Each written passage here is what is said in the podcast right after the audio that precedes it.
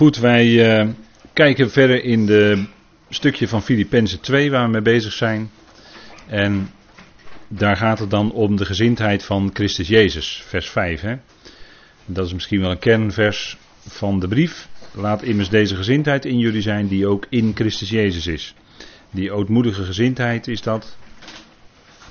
En dan gaat Paulus ook dat uitleggen hoe dat in het leven en het bestaan van de Heer zich heeft uitgewerkt. En we zien hier de, een, een, ehm, een vorm van uh, schildering van hoe de Heer dan van die olijfberg afreed naar Jeruzalem toe. Zoals het staat in Zacharia 9, vers 9. Hè, die bekende tekst. Dat hij uh, nederig kwam en zachtmoedig en rijdend op het ezelsveulen.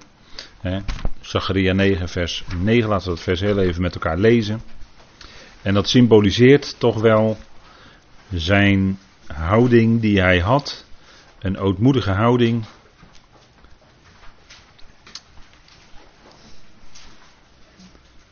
Zoals hij bij uh, wat men dan altijd uh, in het uh, kerkelijke jaar noemt men dat altijd Palmpasen, weet u wel. Dan komt hij over die olijfberg en dan gaat hij richting Jeruzalem. Verheug u zeer, dochter van Sion. Zachariah 9 vers 9. Juich, dochter van Jeruzalem. Zie, uw koning komt, of zal tot u komen. Rechtvaardig. Hij is een heiland. een, een, een redder, een behouder. Arm en rijdend op een ezel, op een ezelsveulen, het jong van een ezelin. Hoewel hij eigenlijk als koning kwam, en hij zou eigenlijk dan op een groot paard moeten komen, maar hij kwam juist op een lastdier, heel tekenend. een ezel, een ezelsveulen, jong van een ezelin. Daarom kwam hij, zo kwam hij als symbool van het feit dat hij op dat moment in nederigheid kwam en nog niet als de koning. Hè. Zij te, uh, hadden wel palmtakken en ze riepen Hosanna, dat betekent eigenlijk red ons. Hosanna, zoon van David, hè, riepen ze dan. Maar het was zijn tijd nog niet en ze hadden ook de tijd niet bekend. Hè. Dat zegt hij ook als hij uitkijkt over de stad. U kent die geschiedenis wel, Lucas 19. Als hij dan uitkijkt over de stad, dat is de enige andere keer dat er in de Bijbel staat dat Jezus huilde. dat was ook bij zijn vriend Lazarus in Johannes 11 zo. Maar toen ook deed hij dat. Toen keek hij uit over de stad. Want hij huilde om de inwoners. Ze hadden de tijd niet bekend van hun bezoeking. En daarom hadden ze hem niet als de Messias aanvaard. De gezindheid van Christus Jezus. Hij kwam. En hij kwam niet om zichzelf te verhogen. Maar hij kwam als mens om op aarde mens te kunnen zijn. En ten diepste kwam hij als mens om te kunnen sterven. En dat is eigenlijk de diepe betekenis van Bethlehem, om het zo maar te, te zeggen. als je kijkt naar die geschiedenis van de geboorte van de Heer Jezus. Bethlehem, Bethlehem, broodhuis. Zoals de profeet dat voorzegd had, hè, Micha. Dan kwam hij en er was eigenlijk dan de stad van David, hè? Bethlehem, de stad van David wordt er daar genoemd. En hij zat in de koningslijn, dus hij had eigenlijk alle rechten op om koning te zijn. Om verheven hoog op een troon te zitten.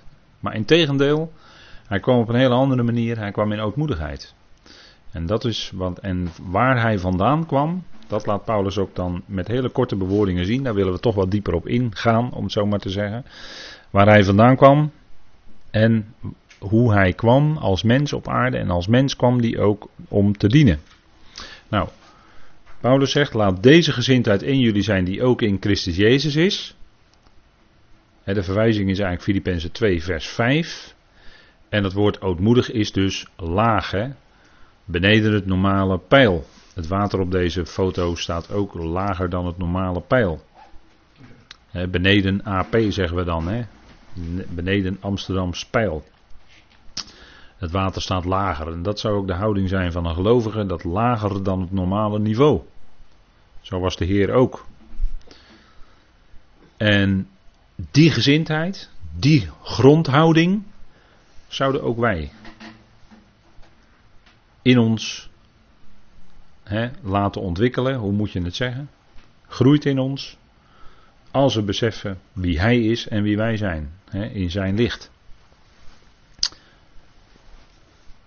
En wat betekende dat dan? Wat betekende het voor Christus Jezus dat Hij die ootmoedige gezindheid had en dat het dus niet in die positie is gebleven waar Hij in was, hè, want daar gaat het dan om. En daar willen we dan ook wat dieper naar, naar kijken, vanavond, maar ook de komende avonden. Daar willen we dieper naar kijken, omdat het nogal wat uitleg in het loop van de tijd heeft gehad. En er zijn ook geloofsbelijdenissen, maar goed, dat zijn geloofsbelijdenissen. En daar hebben wij eigenlijk niet zoveel boodschap aan. En die hebben ook niet zoveel boodschap aan ons. En daarom, en zeker ook op dit punt, is het zo belangrijk dat we blijven bij de woorden die de schrift zelf gebruikt. En dan ook de betekenis van die woorden doorhebben. Zoals dat in de, de betekenis zoals die in de schrift hebben want dan wordt het, wordt het nog belangrijker om zo nauwkeurig bezig te zijn. Om woord voor woord deze dingen met elkaar over na te denken. Dat is heel belangrijk, want anders kom je, omdat er anderen zijn die andere meningen hebben. En dat graag misschien ook wel aan u of aan mij duidelijk willen maken. Maar het is heel belangrijk dat we goed blijven bij die woorden die in de schrift zelf staan. Dat is je meest veilige dan, dan blijf je tussen de, de bakens doorvaren en dan vaar je dus niet op de klippen. want dan, anders gaat je geloof schipbreuk leiden. Dat kan hè. Je geloof kan schipbreuk leiden. Hymenaeus uh, heette die geloof ik. Er was nog iemand geloof ik. Nou, geloof had schipbreuk geleden, hè, zegt Paulus. Maar dat komt als je op de klippen loopt. En dat doe je als je niet die woorden van de schrift vasthoudt. Maar als je het wil gaan vatten onder andere bewoordingen buiten de schrift. Of in woorden die niet in de schrift staan. Dan ben je, moet je al heel behoedzaam worden. En gelijk eigenlijk op alarm gaan. Want als het niet de woorden zijn die de schrift zelf gebruikt. Dan kan het best zijn dat je heel snel van het spoor af bent. En dan weet u wat er over eh, wat er kilometers verder is. Hè? Dan lopen die sporen heel ver uit elkaar. Wat zegt Paulus? Wat zegt Paulus? Welk woord gebruikt hij? Hij zegt dan in vers 6, die in de vorm van God, die hem eigen is. En wat is dat nu? Wat betekent dat nu? Waar heeft hij het over? Wat betekent nu dat woord vorm? Want daar moeten we al allereerst naar gaan kijken. Hè? Wat betekent het woord vorm? Hij was in de vorm van God. Vorm is het Griekse woord morphe. Dat, ja, ik noem toch het Griekse woord nu om het aan u te laten horen wat er staat. En als je de Bijbel erop naslaat, dan kom je erachter wat dat dan betekent. En laten we maar met elkaar op gaan zoeken. Ehm, een aantal woorden die daar bijna hetzelfde zijn. Misschien ietsje qua vorm ietsje anders in het Grieks zijn, maar wel dat woord morphe in zich hebben. Um, bijvoorbeeld Romeinen 2, vers 20, dat is een voorbeeld.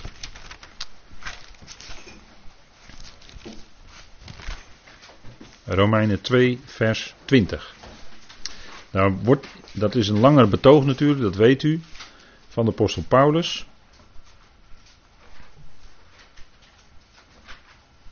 En dan spreekt hij tot zijn mede-Joden. Dat blijkt uit vers 17 dat hij dat doet. Romeinen 2, vers 17. Daar staat, zie, u wordt Jood genoemd, u steunt op de wet en roemt in God. Dus hij spreekt hier de Joden aan. Vers 17, overduidelijk, hè? dat is de context. Altijd een woord in de context bekijken. En kent zijn wil en onderscheidt wat wezenlijk is, omdat jullie uit de wet zijn onderwezen. En jullie zijn van jezelf overtuigd dat jullie een gids voor de blinden zijn, een licht voor hen die in duisternis zijn. En dat zijn ze nog steeds. Hè? Ik heb u wel eens gewezen op die rabbi van het Tempelinstituut.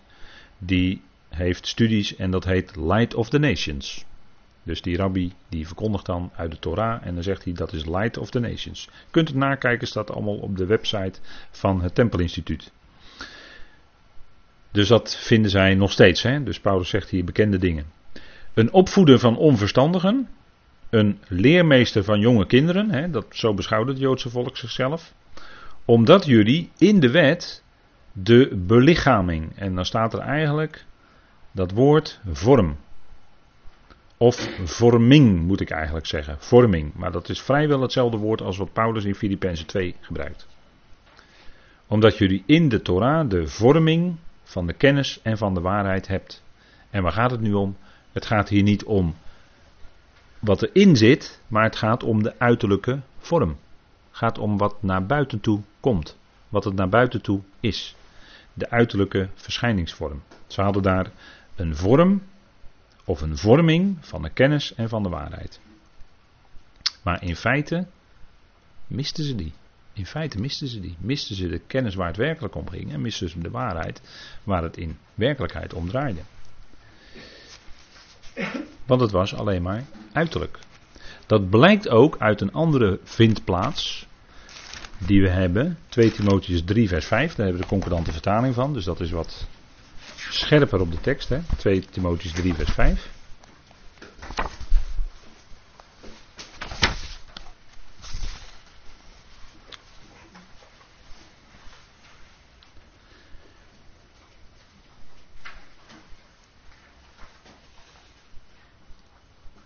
En dat tekent Paulus de mensen in de laatste dagen. Hè? Dat zijn de mensen binnen het grote geheel van het christendom, om het zo maar te zeggen. Dat zegt hij in vers 2. De mensen zullen zijn zelfzuchtig, geldzuchtig, grootsprekend, trots, lasteraars, tegen de ouders weerspannig, ondankbaar, onbehoorlijk, zonder natuurlijke genegenheid, onvermurfbaar, tegenwerkers, onstandvastig, ongetemd, afkerig van het goede, verraders, overhaast, opgeblazen, veel eer vrienden van God dan vrienden van, dan, veel eer vrienden van genot dan vrienden van God. Een vorm van godsvrucht hebbend, maar haar kracht logenend. En daar hebben we weer dat woord vorm. Heel letterlijk het woord vorming. Want het, is, het eindigt in het Grieks op een bepaalde uitgang en dan is het eigenlijk uh, iets actiefs. Maar goed, dat kunt u gelijk wel weer vergeten. Ik zeg het maar even. Maar het is eigenlijk vorming.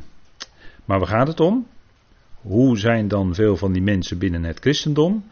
Ze hebben wel een vorm van godsvrucht, maar haar kracht logenen zij. Dus zij hebben dat niet van binnen, maar het is alleen maar buitenkant. Een vorm, de buitenkant dus.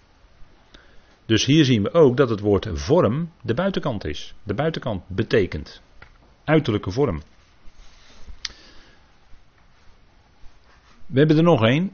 Dat is dan in Marcus 16. Marcus 16.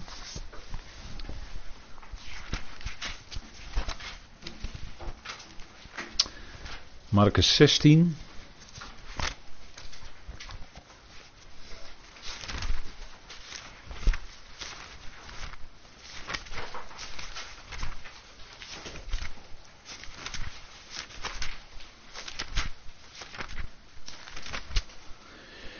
En dan vers 12.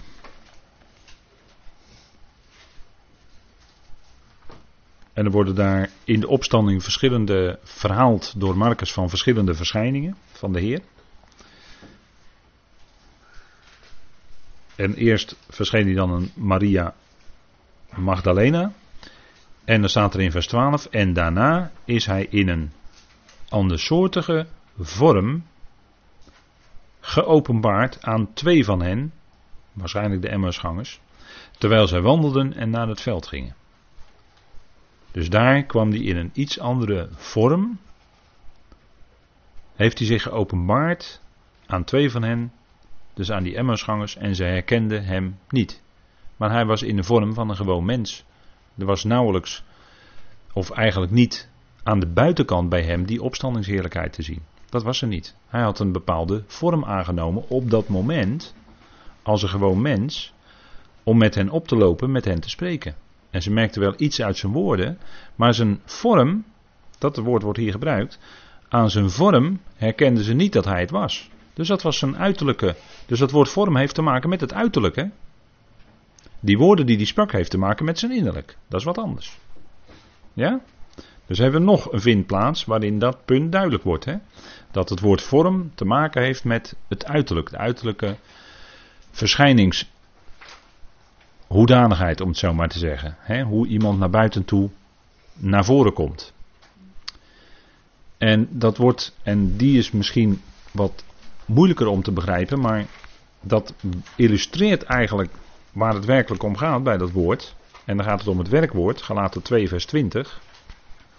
Of Galaten, ik, dat is geen goede verwijzing, het is Galaten 4 vers 20.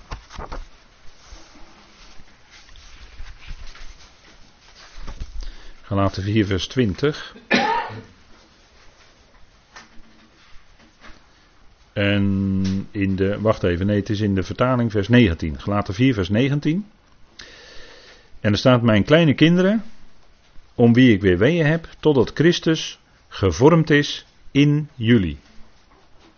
En juist omdat dat in erbij staat, Christus gevormd in jullie, maakt duidelijk dat dat vormen juist te maken heeft, niet met het innerlijk, maar juist met het uiterlijk. Juist dat er in bij moet staan, maakt juist duidelijk dat dat vormen naar buiten toe is.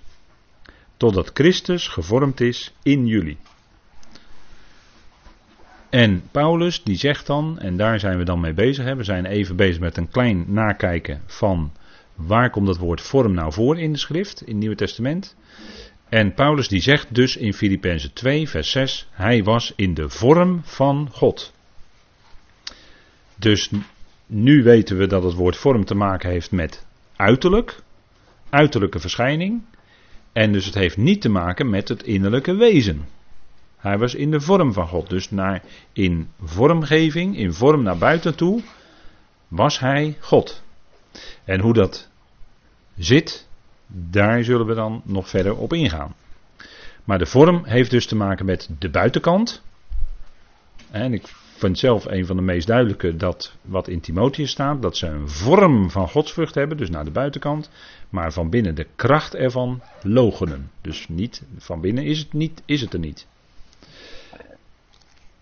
Dus de buitenkant. Vorm is de buitenkant, niet wat binnen is. Dus hij was in de vorm van God.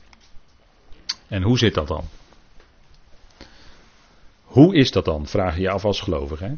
Hij was in de vorm van God, waar Paulus het over heeft in Filippenzen 2, is dat er een verandering is gekomen. De vorm van God had hij. En hij is geworden de vorm van een slaaf. Vers 7. Hè? Hij neemt de vorm van een slaaf aan. Dus er is een grote verandering gekomen. Hij was in de vorm van God. En later in de vorm van de slaaf. Dat zijn maar twee vormen. Hij nam nog ook andere vormen aan hoor. Maar dit zijn de twee die Paulus nodig heeft voor zijn. Wat hij duidelijk wil maken in Filippenzen 2. Maar dus hij was in de vorm van God en later in de vorm van slaaf. En hoe was dat nou voordat hij die vorm van slaaf kreeg? Of aannam, hoe moet je het zeggen? Hij was, en dat is wat we in Colossense 1 vinden, hij was het beeld van de onzichtbare God. Want we gaan in Colossense 1 gaan we heel ver terug. Hè?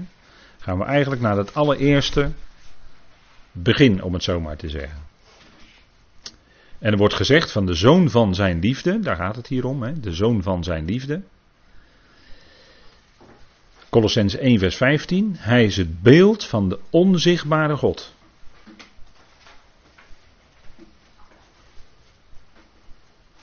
Even voor u om dat contrast hè, duidelijk te hebben.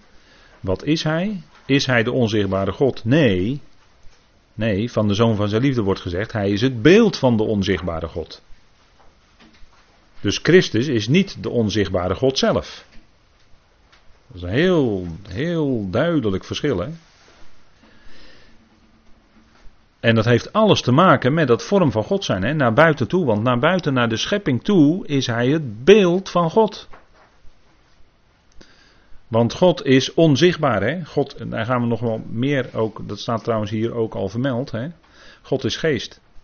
Maar hij is dus het beeld van de onzichtbare God, zegt Paulus in Colossense 1 vers 15. Ook in 2 Korinthe 4 vers 4 staat het ook. Precies hetzelfde. Want God is geest. Johannes 4 vers 24.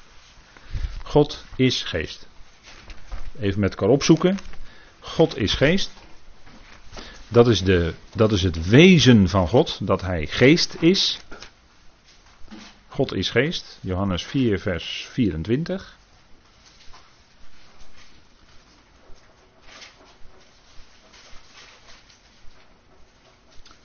Even vers 23 erbij lezen.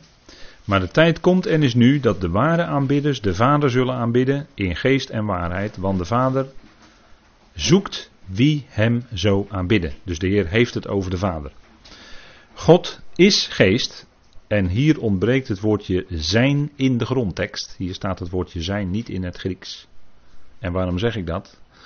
Dat zeg ik omdat je anders zou moeten lezen eigenlijk God is als geest.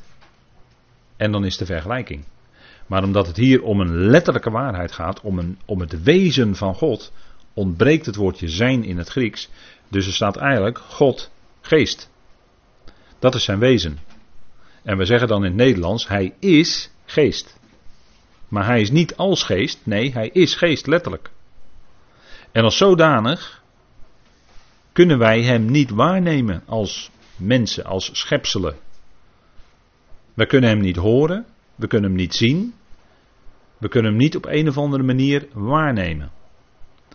En nu heeft God, omdat hij dat hele plan, die hele schepping tot stand ging brengen en zich bekend wilde maken aan al die schepselen, heeft God eerst zich uitgedrukt in zijn beeld. En zijn beeld is de zoon van zijn liefde. Colossense 1, vers 15. De zoon van zijn liefde is het beeld van de onzichtbare God. Wie is God? God is de onzichtbare God, die is geest. Wie is de zoon van zijn liefde? Hij is het beeld van de onzichtbare God.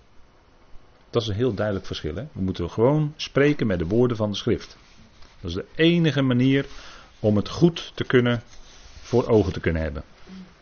En ik zeg, zeg nu ook expres voor ogen te kunnen hebben, omdat we hier spreken over het beeld van de onzichtbare God, zodat wij Hem kunnen zien. Zonder beeld zouden wij God niet kunnen zien. En omdat hij het beeld is van de onzichtbare God, werd in de wet ook gezegd: je, je, zult je geen gesneden beeld maken. Van wat dan ook, van, van, van welk materiaal dan ook maar. Maar je mag gewoon geen gesneden beeld maken. Waarom niet? Omdat het beeld er al is. Dat is Christus. Het is er al lang. En dat is ook het enige beeld. wat voor God, om het zo maar te zeggen, ertoe doet. Hij is het enige beeld. Hij is het beeld van de onzichtbare God. Wie? De zoon van zijn liefde. En wordt van hem gezegd: Hij is de eerstgeborene van heel de schepping. Nou, God is geest, onwaarneembaar, onhoorbaar. In zijn beeld, in, in en door Christus, zien wij wie de Vader is. Niemand heeft ooit God gezien, hè, zegt Johannes ook in Johannes 1, vers 18. Niemand heeft ooit God gezien. En God heeft zich willen uitdrukken in en door zijn zoon. En we spreken hier nog alleen over het beeld. Hè? We spreken nog niet over het woord, want dat komt een andere keer dan wel aan de orde. Maar in Colossense wordt verder nog gezegd. En we denken na over de vraag: Hij was in de vorm van God. Hoe dan? Hoe was dat dan? Nou, hij is het beeld van de onzichtbare God. En u wordt daar gezegd: Hij is de eerstgeborene. Dat is eigenlijk een beeldspraak. Want hij werd niet geboren zoals wij mensen, maar hij werd door God voortgebracht. Of misschien zou je mogen zeggen geschapen. Maar hij werd voortgebracht, dat is het woord wat gebruikt wordt. Hij is voortgebracht, geworden is eigenlijk het grondbegrip. Uit God zelf, want alles is uit God. Hij is de eerstgeborene van heel de schepping. En daarna is het zo dat in hem, dat zegt Paulus ook in Colossense 1. In hem is het al. En dat is echt alles hoor. Dat is tapanta in het Grieks. Dat is echt alles. Is het al geschapen.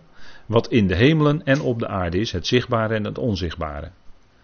En u ziet hier een plaatje van de Zigoya-bomen. Dat zijn enorme grote bomen. En die komen uit een heel klein zaadje voort. En in dat kleine zaadje zat eigenlijk al die hele boom. Dat is een heel mooi voorbeeld om duidelijk te maken dat in hem, in de zoon van zijn liefde, als het beeld van God, als de eerstgeborene van heel de schepping, in hem het al geschapen was. Zoals zo'n enorme boom in zo'n heel klein zaadje eigenlijk al zit. Zo was in hem die hele schepping, het al, eigenlijk in de kiem al aanwezig, om het zo maar te zeggen. En alles is in hem geschapen. Wat hemel op aarde is, zichtbaar en onzichtbare. Dus ook de hele geestenwereld enzovoort. Hè. En het alles ook door hem en tot, letterlijk, naar binnen hem geschapen. En wat, wat zegt u? We zien het niet, nog eventjes verder door. Oh, sorry, ik was al verder. Ik had vergeten te klikken, dankjewel. Maar in hem, dus je ziet hier die foto van de bomen enzovoort. Maar hij is, er staat ook in Colossens 1, hij is voor alles. En dat woordje voor heeft niet alleen te maken met tijd, dat, daar gaat het hier vooral om. Maar het heeft ook te maken met rangorde, dat hij de hoogste is van alles. hij is voor alles, maar tegelijkertijd ook de hoogste. Dat is dat Griekse woordje pro. Hij is voor alles, dus als eerste was hij er, om het zo maar te zeggen, als het beeld van God. En in en door en tot hem is het al geschapen. Dat is eigenlijk waar alles uit voortkomt. En hij was als eerste dus het beeld van de onzichtbare God. Hij is dat. Hij is voor alles, dus hij staat echt helemaal aan het begin. En het al heeft ook zijn samenhang in hem. Dus hij zorgt er ook voor dat het hele al, dat hele universum, dat dat ook in stand wordt gehouden, die hele schepping. Zo was hij in de vorm van God, als hoogste van alles. En was hij ook zichtbaar voor de schepping. En kon hij zich bij gelegenheid ook zichtbaar maken in bepaalde, hoe moet je dat zeggen, in bepaalde verschijningen aan profeten. dus hij was de hoogste. Hij had hoogste heerlijkheid. Hij, was hij bekleed met enorme heerlijkheid. Als het beeld. En zo, als zodanig liet hij zich ook zien.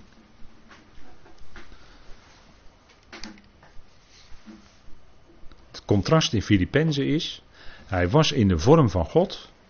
En we hebben nu even gezien vanuit Colossense hoe indrukwekkend dat is. Dat hij in de vorm van God was. Hij was het beeld, hij was, en ook is moet ik zeggen, het beeld van de onzichtbare God. Naar de schepping toe wilde God zich uitdrukken en zich bekendmaken. En dat doet hij door de zoon van zijn liefde. En van dat vorm van God zijn, dus naar buiten toe ook met heerlijkheid. God representerend naar de schepping. Daarvan, van die vorm, heeft hij zichzelf leeggemaakt, zegt Paulus in Filippenzen 2. En dan gaat het gelijk door naar het laagste, dat is de vorm van slaaf. Hij was geen slaaf, let op hè. Hij was geen slaaf, maar hij was in de vorm van slaaf. Want een slaaf eh, dat, dat het woord slaaf, wat hier gebruikt wordt in het Grieks, doulos, dat veronderstelt enige vorm van gebondenheid. Maar hij was nergens aan gebonden.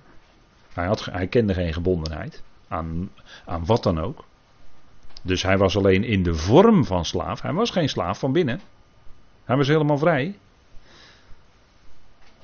En dus kwam hij in de vorm van slaaf. Hij diende wel, maar het woord slaven wordt voor hem niet gebruikt. Hij diende. En hij kwam in de vorm van slaaf. En hij, wat, waarvan is hij dus, heeft hij zich dus leeg gemaakt? Want dat woord wordt gebruikt hier in Filippenzen 2. in uh, vers 7. Niettemin maakt hij zichzelf leeg. Waarvan? Van de vorm van God. En nogmaals, in de vorm van God was hij niet de onzichtbare God. Nee, hij was de vorm van God. Hij was het beeld van God. En van dat vorm van God, daarvan maakt hij zichzelf leeg. En er staat tegelijk ook, en neemt de vorm van slaaf aan. Dus hoe die uiterlijk naar voren kwam. In beide gevallen. Maar let op dat dat niet letterlijk, in beide gevallen ook niet letterlijk van hem waar was dat hij God was, in de absolute God, de Vader, nog dat hij een slaaf was, zodat hij gebonden was. Dat is ook niet waar. Dat is wat Paulus zegt hier in Filippenzen 2. En dan zeggen wij ja, hoe werd hij dan gezien door anderen? Want als beeld van God kon hij zich dus ook tonen aan anderen van zijn schepping. Genesis 1, vers 26 is een toch wel belangrijke tekst die, die eigenlijk bijna altijd verkeerd gelezen wordt. Daar zegt God op de zesde dag: Laat ons maken. Heb ik even wat Genesis 1 wat letterlijker vanuit het Hebreeuws weergegeven. Laat ons maken Adam, staat er dan in het Hebreeuws. En er staat er in ons beeld en als onze gelijkenis. En die mens die geschapen werd, die gemaakt werd. Er wordt vaak gezegd, de mens is beelddrager Gods. Dat is niet zo hoor. Dat staat hier ook niet. Moet goed lezen. Er staat dat laat ons maken Adam in ons beeld en als onze gelijkenis. Wie is het beeld en de gelijkenis van God? De zoon van zijn liefde. En die mens die werd dus gemaakt in dat beeld en als die gelijkenis. Als de zoon van zijn liefde dus. Hij is het origineel. Beeld en gelijkenis is Christus, het origineel. En naar hem werd de mens gemaakt, de kopie. Om het zo maar even te zeggen. Dus de mens is niet beelddrager Gods. Nee, de mens is gemaakt in het beeld en als de gelijkenis van God. En alle mensen die daarna kwamen, die waren geschapen naar het beeld van Adam. Naar het beeld van Adam. Dus wij zijn beelddrager eigenlijk van Adam. Dat is bijbels, dat staat ook in de Bijbel zo. Wij zijn beelddrager van Adam. En u moet maar eens kijken, als er gesproken wordt over de mens als beelddrager van God, hoe er dan over de mens ook gesproken wordt. En dat die mens op een uh, behoorlijk hoog voetstuk wordt gezet hoor, waar die mens eigenlijk niet hoort. Moet er maar eens opletten hoe, daar, eh, hoe daarover gesproken wordt. dus dit is wat er letterlijk staat. He. In ons beeld het woordje in is de letter beet in het Hebreeuws. Dat wordt hier gebruikt. En als onze gelijkenis, als, daar staat de letter kaf. En die betekent als in het Hebreeuws. En het woord gelijkenis, het woord gelijkenis, dat is, daarin zit eigenlijk ook Adam. Adam is een woord dat is afgeleid ook van gelijkenis. Want in, zowel in het woord gelijkenis in het Hebreeuws als het woord Adam, daar zit dam in. En gelijkenis komt eigenlijk van dama in het Hebreeuws. En Adam betekent ook hij die gelijkt op. gelijkend op betekent ook Adam eigenlijk. En dan hij gelijkt op dat origineel wat er al was, namelijk Christus. En Adam krijgt dan bepaalde hoedanigheden, om het zo maar te zeggen, die al veel eerder, al veel langer terug, voor de eerste Aion al, aan Christus waren toebedeeld. En dus naar hem, naar Christus, werd die mens gemaakt als kopie. Ja? Dus nu, gaan, nu zijn we wat, wel een stapje dieper hè, gekomen in, uh, in de overwegingen. En dan leren we ook gelijk wat daar eigenlijk staat in Genesis 1, vers 26 en wat het betekent. Want het wordt altijd verkeerd gelezen, eigenlijk. Hoe werd hij dan gezien? Hij werd in de vorm van God gezien. En dan werd hij gezien door de profeet. Bijvoorbeeld Ezekiel, bijvoorbeeld Daniel, bijvoorbeeld Jezaja, maar vooral Ezekiel Daniel. Werd hij gezien in een bepaalde verschijning. Met heel veel uh, heerlijkheid erbij en met allerlei raderen. Ezekiel zag allemaal raderen en allemaal dingen. Dat heeft natuurlijk allemaal een betekenis. Maar goed, vaak wordt dat woord gelijkenis dan ook gebruikt. En dan zag hij een troon, iets dat lijkt op een troon. En dan ziet hij ook iets dat lijkt op een mens. Met heerlijkheid. En dat is eigenlijk het origineel dus, waarnaar de mens gemaakt is. En vandaar dat de profeet iets ziet dat gelijkt op een mens. Die ziet dan het origineel, die zag Christus als het beeld van God in zijn heerlijkheid, voordat hij mens werd. Ja? Nou goed, daar gaan we de volgende keer mee verder, want het is al de hoogste tijd. En dan gaan we gewoon verder met deze teksten uit de profeten. En dan gaan we dit onderwerp stapje voor stapje vervolgen. Want we gaan dan stap voor stap ook kijken hoe dat zit met de eerdere heerlijkheid van de Heer in de vorm van God. Dat hij de vorm van slaaf kreeg. En wat voor enorme verschillen daarin zitten. Nou goed, tot zover voor vanavond.